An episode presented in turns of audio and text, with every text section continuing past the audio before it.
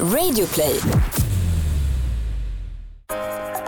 Det här är en podcast om mod och ledarskap som presenteras av Renault Tjänstebilar för att hjälpa dig som ledare att våga mer. Journalisten Kattis Ahlström som har erfarenhet både som föreläsare och ledare, möter här tio modiga personer som gått sin egen väg. I veckans avsnitt träffar vi komikern och skådespelaren Henrik Schyffert. Hur får man det roligt på jobbet? Vad finns att vinna i kompromisser? Och vad betyder egentligen teambuilding?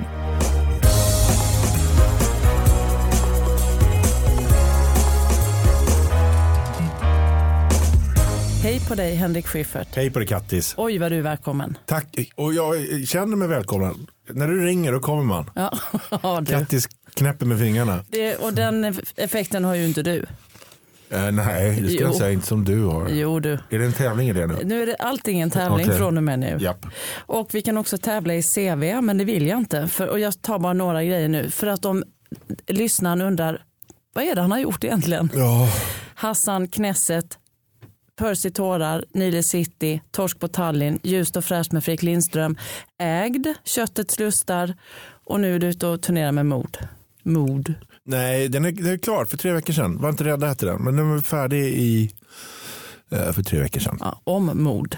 Om rädsla, vilket är motsatsen till mod kanske. Det har du Eller rätt de i. hänger ihop på något sätt i varje fall. Jag vet inte om det är motsats. Nej, det kan vi prata om. Ja.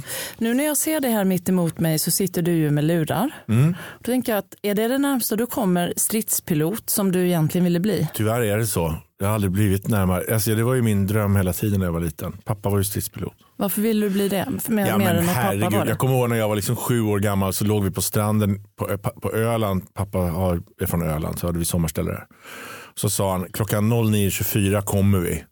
Och 09.24 på morgonen då kom det tre Viggenplan på 70 meters höjd in över stranden och bryter upp och gör en sån här rollar ut över Kalmarsund och, liksom, och bara ja, där är Nej, pappa. nej. Och det går, du vet, Och dina kompisar såg det Ja. också? Alltså du förstår, det är ju så starkt. Så att jag har alltid drömt, men jag är färgblind och sen måste man vara ingenjör för det där och smart och det är inte jag på det, på det sättet. Jag kan inte räkna matte och sånt där. Så att, Men finns det någonting förutom att du har lurar på dig ibland på radio till exempel som du ändå tänker har, har någonting med stridspilot att göra? jo, jag har ett grej när jag kör ut eh, min elbil ur garaget. Då kan man eh, eh, då måste man luta sig ner och trycka på garageöppningen samtidigt som man svänger. Och då tänker jag så här, det här är vad JAS-piloter gör. Det är så här informationssortering och multitaskar. Så, här, så det tänker jag varje gång, så här, att nu är jag lite som en JAS-pilot. När jag öppnar porten och svänger samtidigt. Känner du lite frän då? Ja, jag känner mig lite tuff. Ah, vilken öm punkt du är inne på. Men det är så sant, jag tycker det på riktigt. Men du har väl fått sitta in i pappas plan någon Jag har flugit med pappa några gånger också, så, här, så att det har jag fått göra. Men eh, det är ju mest att man vill gå över den där plattan i den där overallen och bära på hjälmen lite långsamt sådär medan motorerna, det det, det är det enda man vill göra hela dagarna. Jag tycker man är så himla frän. Tycker Ja, inte ja. du att du är ganska frän ändå i ditt arbete? Nej, det tycker jag inte. Jag tycker, om jag ska vara ärlig, jag, jag, om jag är på en scen och är själv på en scen och det går bra, då kan jag tänka så här, nu är jag faktiskt duktig på mitt jobb och jag vet vad jag håller på med. Så, så det, det kan jag klappa mig lite på axeln. Känner du ibland att det svajar under fötterna bara sådär som det kan göra, det kan i alla fall göra på mig. Bara plötsligt så känner man att man bara tappar någonting. Hela tiden tycker jag att det är så. Det finns den där sanningen att det kom, ska komma någon och knacka på axeln och säga så här, du, eh, vi, nu har vi sett att du hade inget här att göra överhuvudtaget. Nej, jag fattar. Ja, ja. Jag fick hålla på några år, ja, men nu är det. Så den känner man ju hela tiden. Gör du det? Ja, det gör jag jättemycket. Jag regisserar ju sånt där. Ska man prata med olika människor som är jätteduktiga på manus eller på fotografering och sånt där. Ljus. Jag kan inte. Så, här. så då hamnar jag jättemycket så här underlägen. Min tes med sånt där när man inte kan är att man ska bara vara brutalt ärlig med det direkt och säga jag vet inte hur det här går till, jag respekterar er och det ni gör, hjälp mig. Oftast blir de gladare utav det också. Och man själv blir bättre av att våga göra det.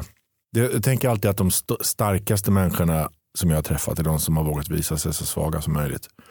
De där som går in och är starka, starka, det är oftast, de, de är oftast inte så mycket att ha, tycker jag. Men ibland så, om man är chef till exempel, för det, här programmet tror jag många chefer lyssnar på. Mm. Om man är chef så behöver man ju kanske ibland lite låtsas att man kan. Därför Mm. att man behöver ju också vara, för det kan ju bli, gränsen är ju svår menar jag.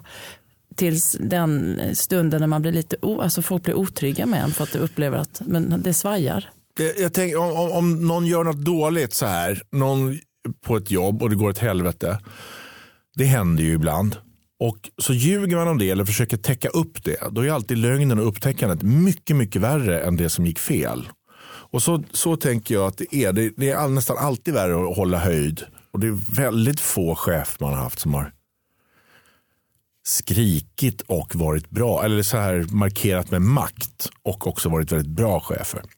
De flesta har sagt min erfarenhet är, eller jag tror, jag lyssnar på er, nu måste jag ta något slags beslut, det blir som jag vill. Alltså de som resonerar så där, de har man respekt för.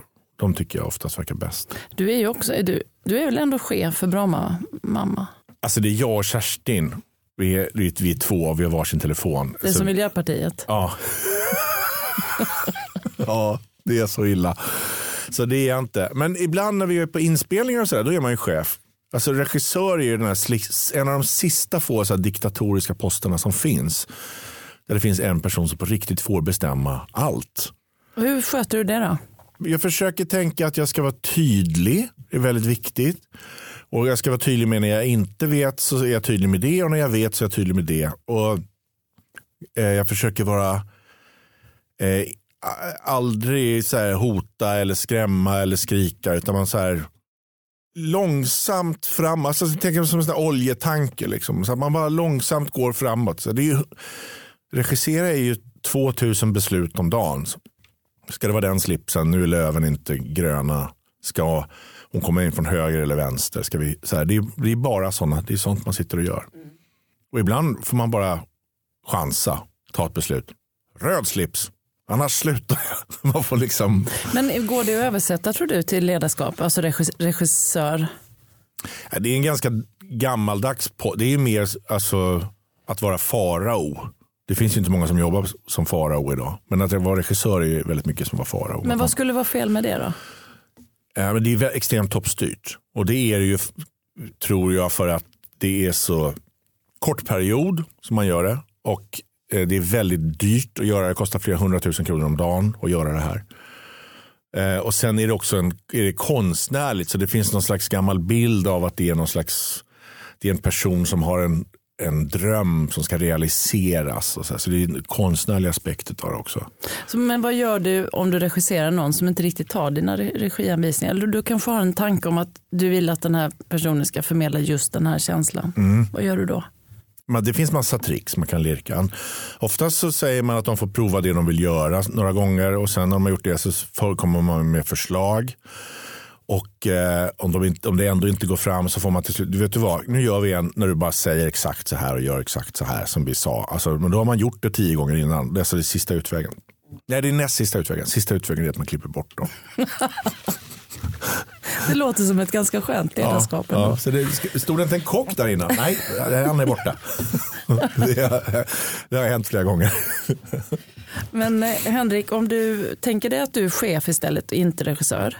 Så eh, för en del av regiarbetet är väl ändå att du försöker, om du har en skådespelare så kanske du har fått syn på någonting att till exempel han är mycket roligare än vad han tror. Så vill man locka ut det. Ja. Det är väl en, en del av regi. Det är det absolut.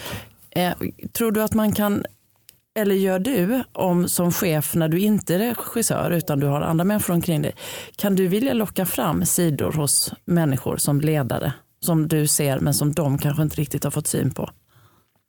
Ja, det kan man göra. Oftast med folk som är lite eh, ovanare vid det. Om man jobbar med folk som man känner och har jobbat med, då kan man bara säga det. Alltså vara väldigt rak och säga, du är jättekul där, gör det igen. Att man är jättetydlig. Men om det är folk som är lite ovanare så kan man, får man, liksom, kan man få locka fram det på något sätt. Eh, och hur man gör det, det har att göra med vilken person och situation det är. Det kan, vet jag inte riktigt. Men det, det går absolut att göra. Men tänker du dig att du gör det mycket med din, din omgivning? Nej, alltså jag, jag tänker alltid så här att eh, jag försöker jobba med människor som är bättre än jag smartare än jag, roligare än jag. Det är alltid ett bra grej. Det är den där gamla sägningen if you're the smartest guy in the room you're in the wrong room. Och den tror jag jättemycket på. En annan trick jag har är att jag försöker, och det här är en farsot som jag gärna pratar om, vilket är att jag, du ska inte vinna alla fighter. Du ska inte vinna diskussionerna. Det är inte det en diskussion går ut på, att det ska finnas en vinnare. Ofta sitter man i diskussioner där det ska tas beslut och så försöker alla vinna det. Någon, och jag tänker det här är inte bästa lösningen. Utan jag tänker ofta att nu jag förlorar jag den här diskussionen och så får vi se vad det tar vägen. Och Går det någonstans bättre, då är jag ändå involverad i det som blev bättre. Och Går det sämre, då kommer det bli en till diskussion. Och så kommer mitt grej att få bli, då blir det som jag tänkte i varje fall. Alltså det blir, det blir, man vinner på det. Har du övat på det? Eller har du ja, det har jag övat på. Men jag tänker ofta, väldigt mycket också hem i relationer man har med någon. Så är det någon som säger så här, nu ska vi gå på svampmarknad på lördag. Och så säger, har man ingen lust alls att gå på svampmarknad. Då säger man vad kul vi går på svampmarknad. Och så, så ställer man upp och så gör man det. Så, där. så tänkte jag, det här, ja, det, det här är vad det kostar. Ibland får man gå på lite svampmarknad. Och det, det, där har gjort att mitt liv har blivit mycket, mycket enklare. Mm. Än istället ge sig in och bara så försöka vinna saker. Ge upp oftare. Det är oftast, blir oftast bättre grejer av det. Det ses ner på kompromisser idag. Jag tycker kompromisser, det är det bästa. Har ni jobbat mycket så när ni har jobbat i era gäng?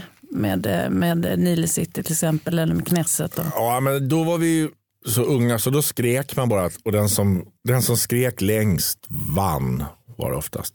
Men sen efter ett tag så lärde vi oss att eh, vi hade en regel att vi, vi var väl sex pers eller något sånt där. Kunde man få med sig fem av dem och skratta, då vann man. Då fick den sista ge upp. Liksom. Och då var man tvungen att hitta på grejer som var så pass kul att man fick med sig åtminstone fem av dem. Så då blir det någon slags demokrati av det. Roligt arbetssätt. Väldigt jobbigt var det. Jobbigt men Väldigt det är svårt skrikigt. också på arbetsplatser tänker jag om det är någon som lyssnar nu att de ska in i styrelserummet och den som skrattar med, den som blir mest skrattad då vinner. Ja men, jag, men framförallt så tänker jag det här att det inte är en tävling. Jag sitter i så många möten där folk har liksom bestämt sig för att my way or the highway och det, det blir inte bättre produkter eller lösningar utav det. Så det blir enligt dig inte bara bättre stämning och bättre miljö, det blir bättre. Det blir bättre. Kompromissa. Du har ju snott av Jesus, det här var inte rädda. Mm. Eh, hur kändes det? Och stjäla? Från honom själv? Ja, jag tänker ska man sno, det är någon sån gammal sägning, ska man sno ska man sno de bästa och se till att man inte blir upptäckt. Det, det, och det, det där, han är ju ändå, man, måste ändå, man kan tycka vad man vill om Jesus, men liksom, han, stor är han. Stor är han. Jag fick också lära mig av en teologistuderande att uttrycket var inte rädda nämns 365 gånger i Bibeln. En gång för varje dag. Så det var ju fint. Det, det, visste jag inte om innan. Nej, det var ju väldigt fin kunskap. Mm. Och detta har ju du nämnt många, många, många gånger i din show. Ja. Så eh, vad, vad var det som gjorde att du ville göra någonting om rädsla? Jag blev fascinerad över hur vi har det så pass bra som vi ändå har det. Och ändå helt plötsligt för några år sedan så blev alla helt jävla livrädda och uppskrämda. Och det blev en panikkänsla. Och jag undrar var den där kom ifrån. Eh, och då började jag sätta mig in i det där och pratade med folk. Och så träffade jag en tjej som var psykolog som jobbade med fobier och rädslor. Och hon sa som bra grej. Hon sa så här, follow the money. Följ pengarna. Så kan du tänka dig att det kanske finns helt plötsligt folk som har kommit på att de kan själva vinna någonting på att göra andra rädda. Alltså företag, eh, politiska partier, personer som liksom har kommit på att det här är ett effektivt sätt att få igenom vad de själva vill. Och så börjar man titta bakåt. Så här. Alltså reklam är ju en sån grej. Reklam är ju rädsla. Man är osäker, jag har fel smink, jag har fel telefon. Och reklam har ju liksom funnits de sista 60-70 åren. Människan har funnits i 70 000 år. Det är väldigt nytt för oss för våra hjärnor att helt plötsligt separera. Är det här en riktig fara? Eller är det något som någon försöker utnyttja för att, göra, för att själva vinna på det? Kvällstidningarna kör varning för mobilstrålning och eh, transfetter och ditt mm. tangentbord kan vara en bakterie här. Är det en riktig fara eller är det för att tidningarna kommer på att om de skrämmer upp och så går vi in och klickar på det där så tjänar de pengar på det där. Mm, det gör vi ju. Precis, och det här är, så här reagerar vi. Och sen har också massa politiska partier kommit på det här. Att man kan skrämma upp dem. Om vi inte gör så så kommer de att ta det. Och, så här. och då vinner de på det. blir folk rädda. Och grejen är att rädslan är ett förbannat trubbigt instrument. Det får man inte glömma bort. Om rädslan ser något som den inte riktigt känner igen då föreslår den alltid det absolut värsta den kan komma på. Det är därför du sitter hemma en kväll och tänk, eller skrapar på fönstret och tänker du en det värsta, absolut. Det är en mördare. Mm. Det är en mördare utanför fönstret. Och det är rädslan som slår på det direkt. Så här. Det är inte en mördare utanför ditt fönster. Det är en humla som har fastnat eller en gren som skrapar. Mm. Och det vet du om. Men rädslan går direkt in och säger så. Tycker du, tänker du att du hjälper människor med, med att eh, turnera med det här ämnet?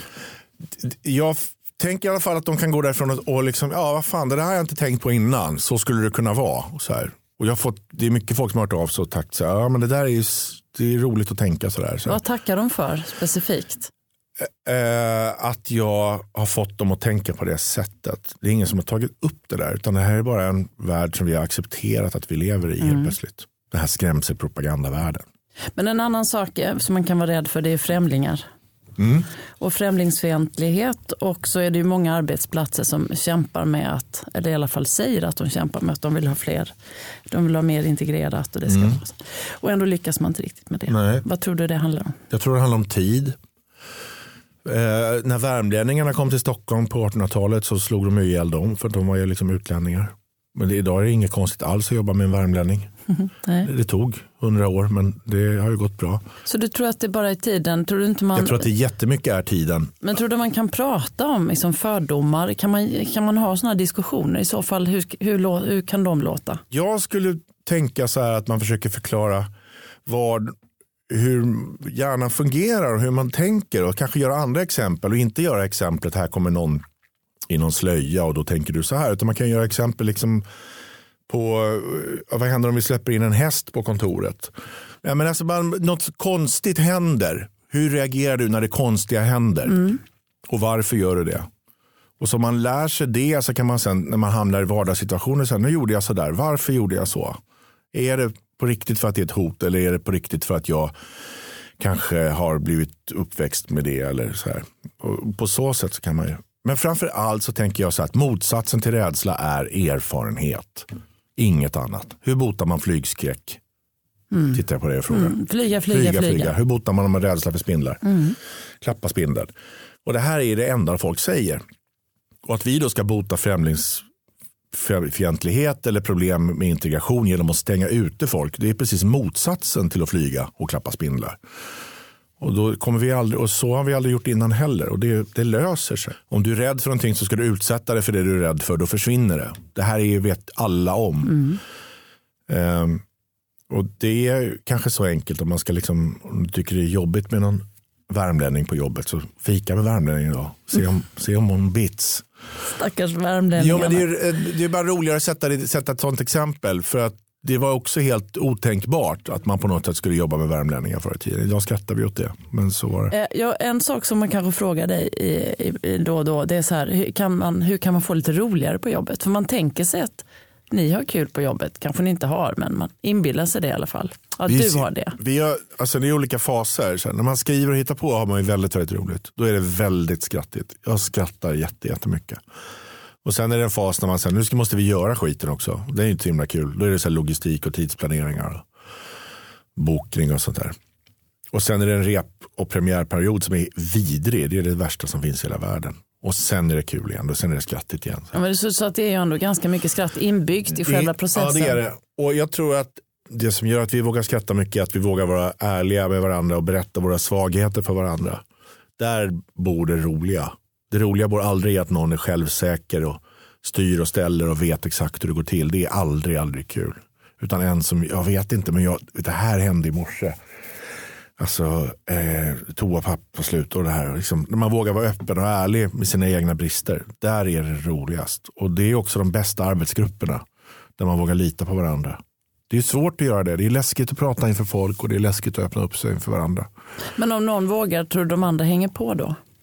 Ja, det är en chansning. Men kan man skapa en sån miljö där vi vågar visa upp våra brister och svagheter då blir det väldigt, väldigt bra i min erfarenhet. Men det är många som Johan förknipp... Glans berättade att han sprang efter bussen och sen missade han den och då under några sekunder sen låtsades han, nej jag skulle inte med den där bussen.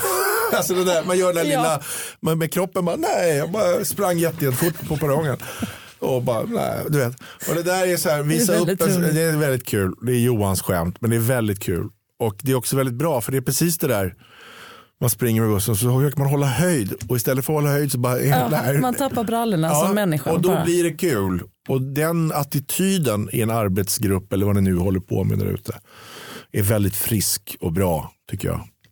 Väldigt bra råd. Men säkert jättesvårt om man Skitsvårt. aldrig har gjort det. Men eh, motsatsen till rädsla är erfarenhet. Prova. Hur viktigt är det för dig att bli bekräftad? Ja, det är viktigt. Jag försöker eh, trappa ner på det men det är en väldigt stark drog. Det där plinget och ringet och applåden. Det är väldigt svårt. Men, men det är väl, eh, tror du att det är något man behöver tänka på mer? Att människor är beroende av bekräftelse, att bli absolut. bekräftade. absolut. Och också helst bekräftad utan att man egentligen har gjort så himla mycket. Utan det är mer, folk går väldigt mycket runt och säger så jag, jag kräver respekt. Och så tänker man, ja men vad har du för skyldigheter då? Vadå skyldigheter? Du ska respektera mig. Alltså så där känner man att det är väldigt mycket. Och jag är nog en del av det problemet också tror jag.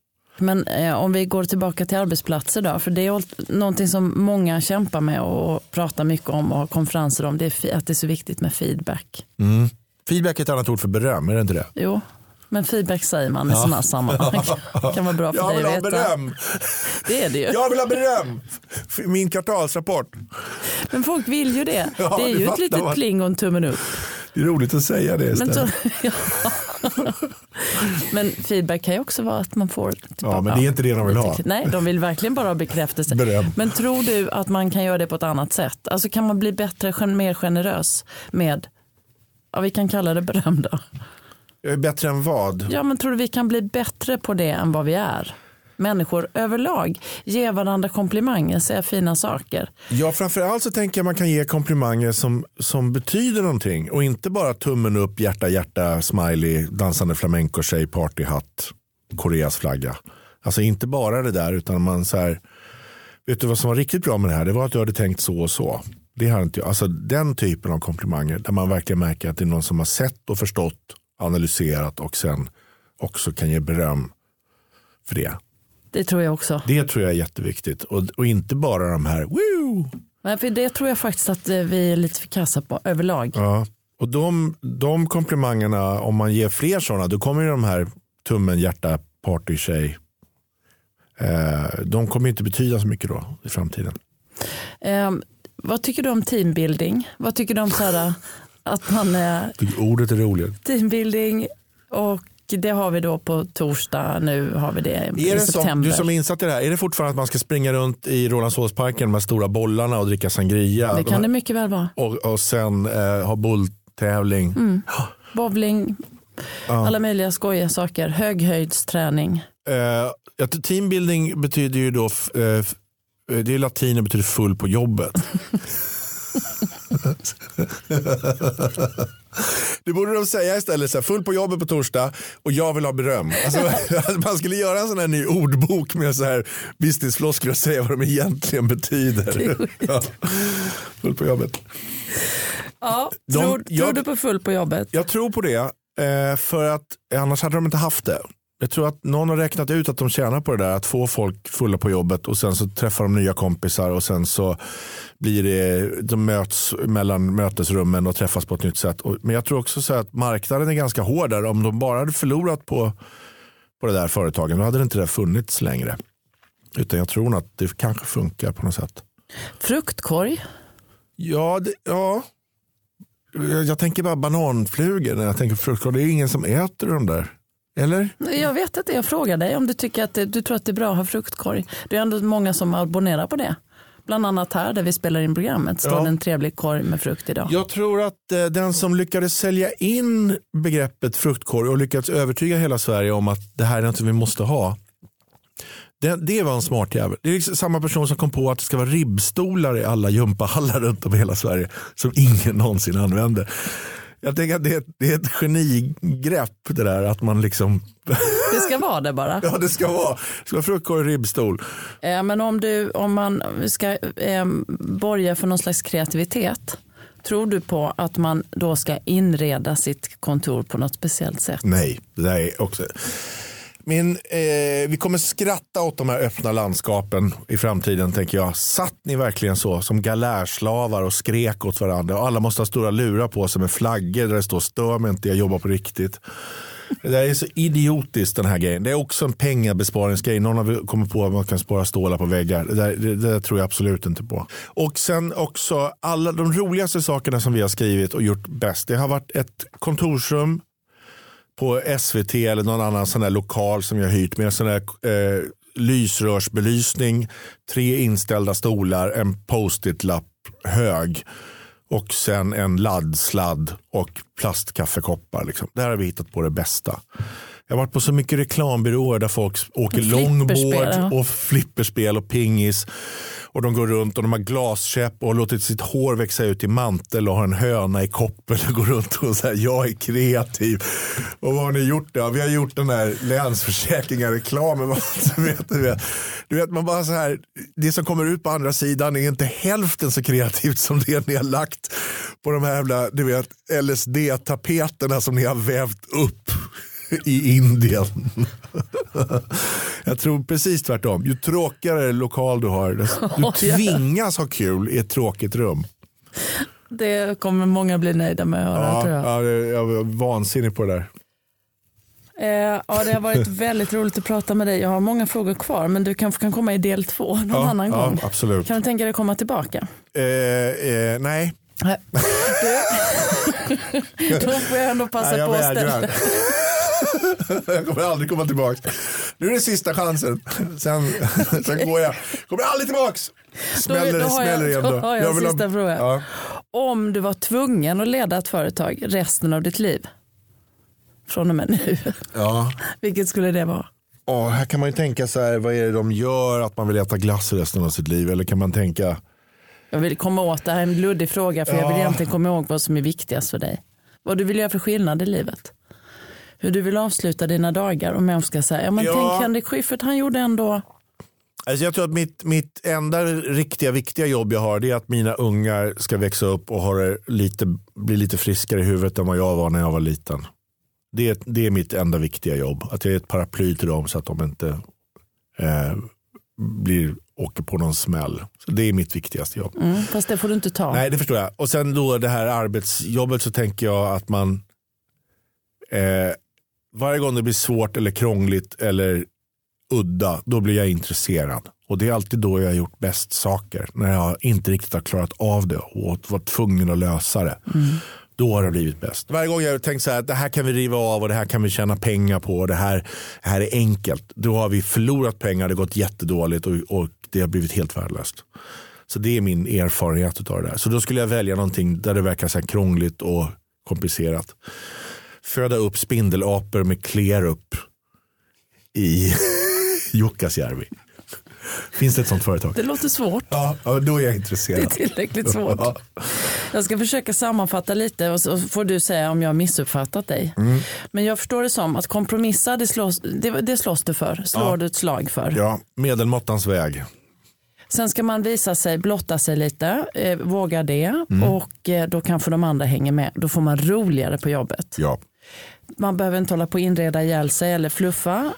Kanske inte ens fruktkorg. Nej, Liten post-it-lapp och en stol Ja. och en sladd.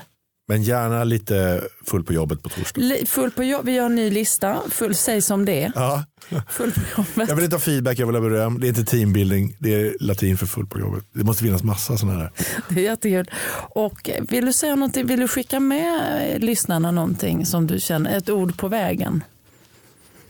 Helst inget du har snott av Jesus. För Nej, det, nej men jag, det, det, jag, det som jag har lärt mig genom mina misstag genom åren är att eh, ju svagare jag vågar vara, desto starkare blir jag.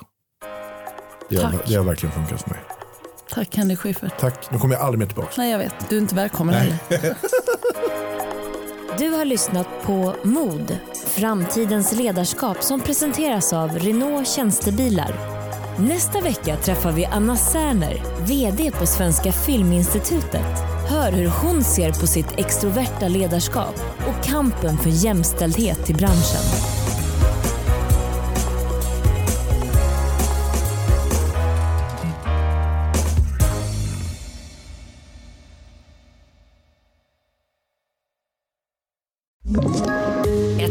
Poddtips från Podplay.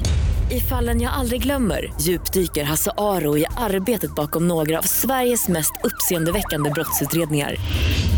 Går vi in med hemlig telefonavlyssning och, och då upplever vi att vi får en total förändring av hans beteende. Vad är det som händer nu? Vem är det som läcker? Och så säger han att jag är kriminell, jag har varit kriminell i hela mitt liv men att mörda ett barn, där går min gräns.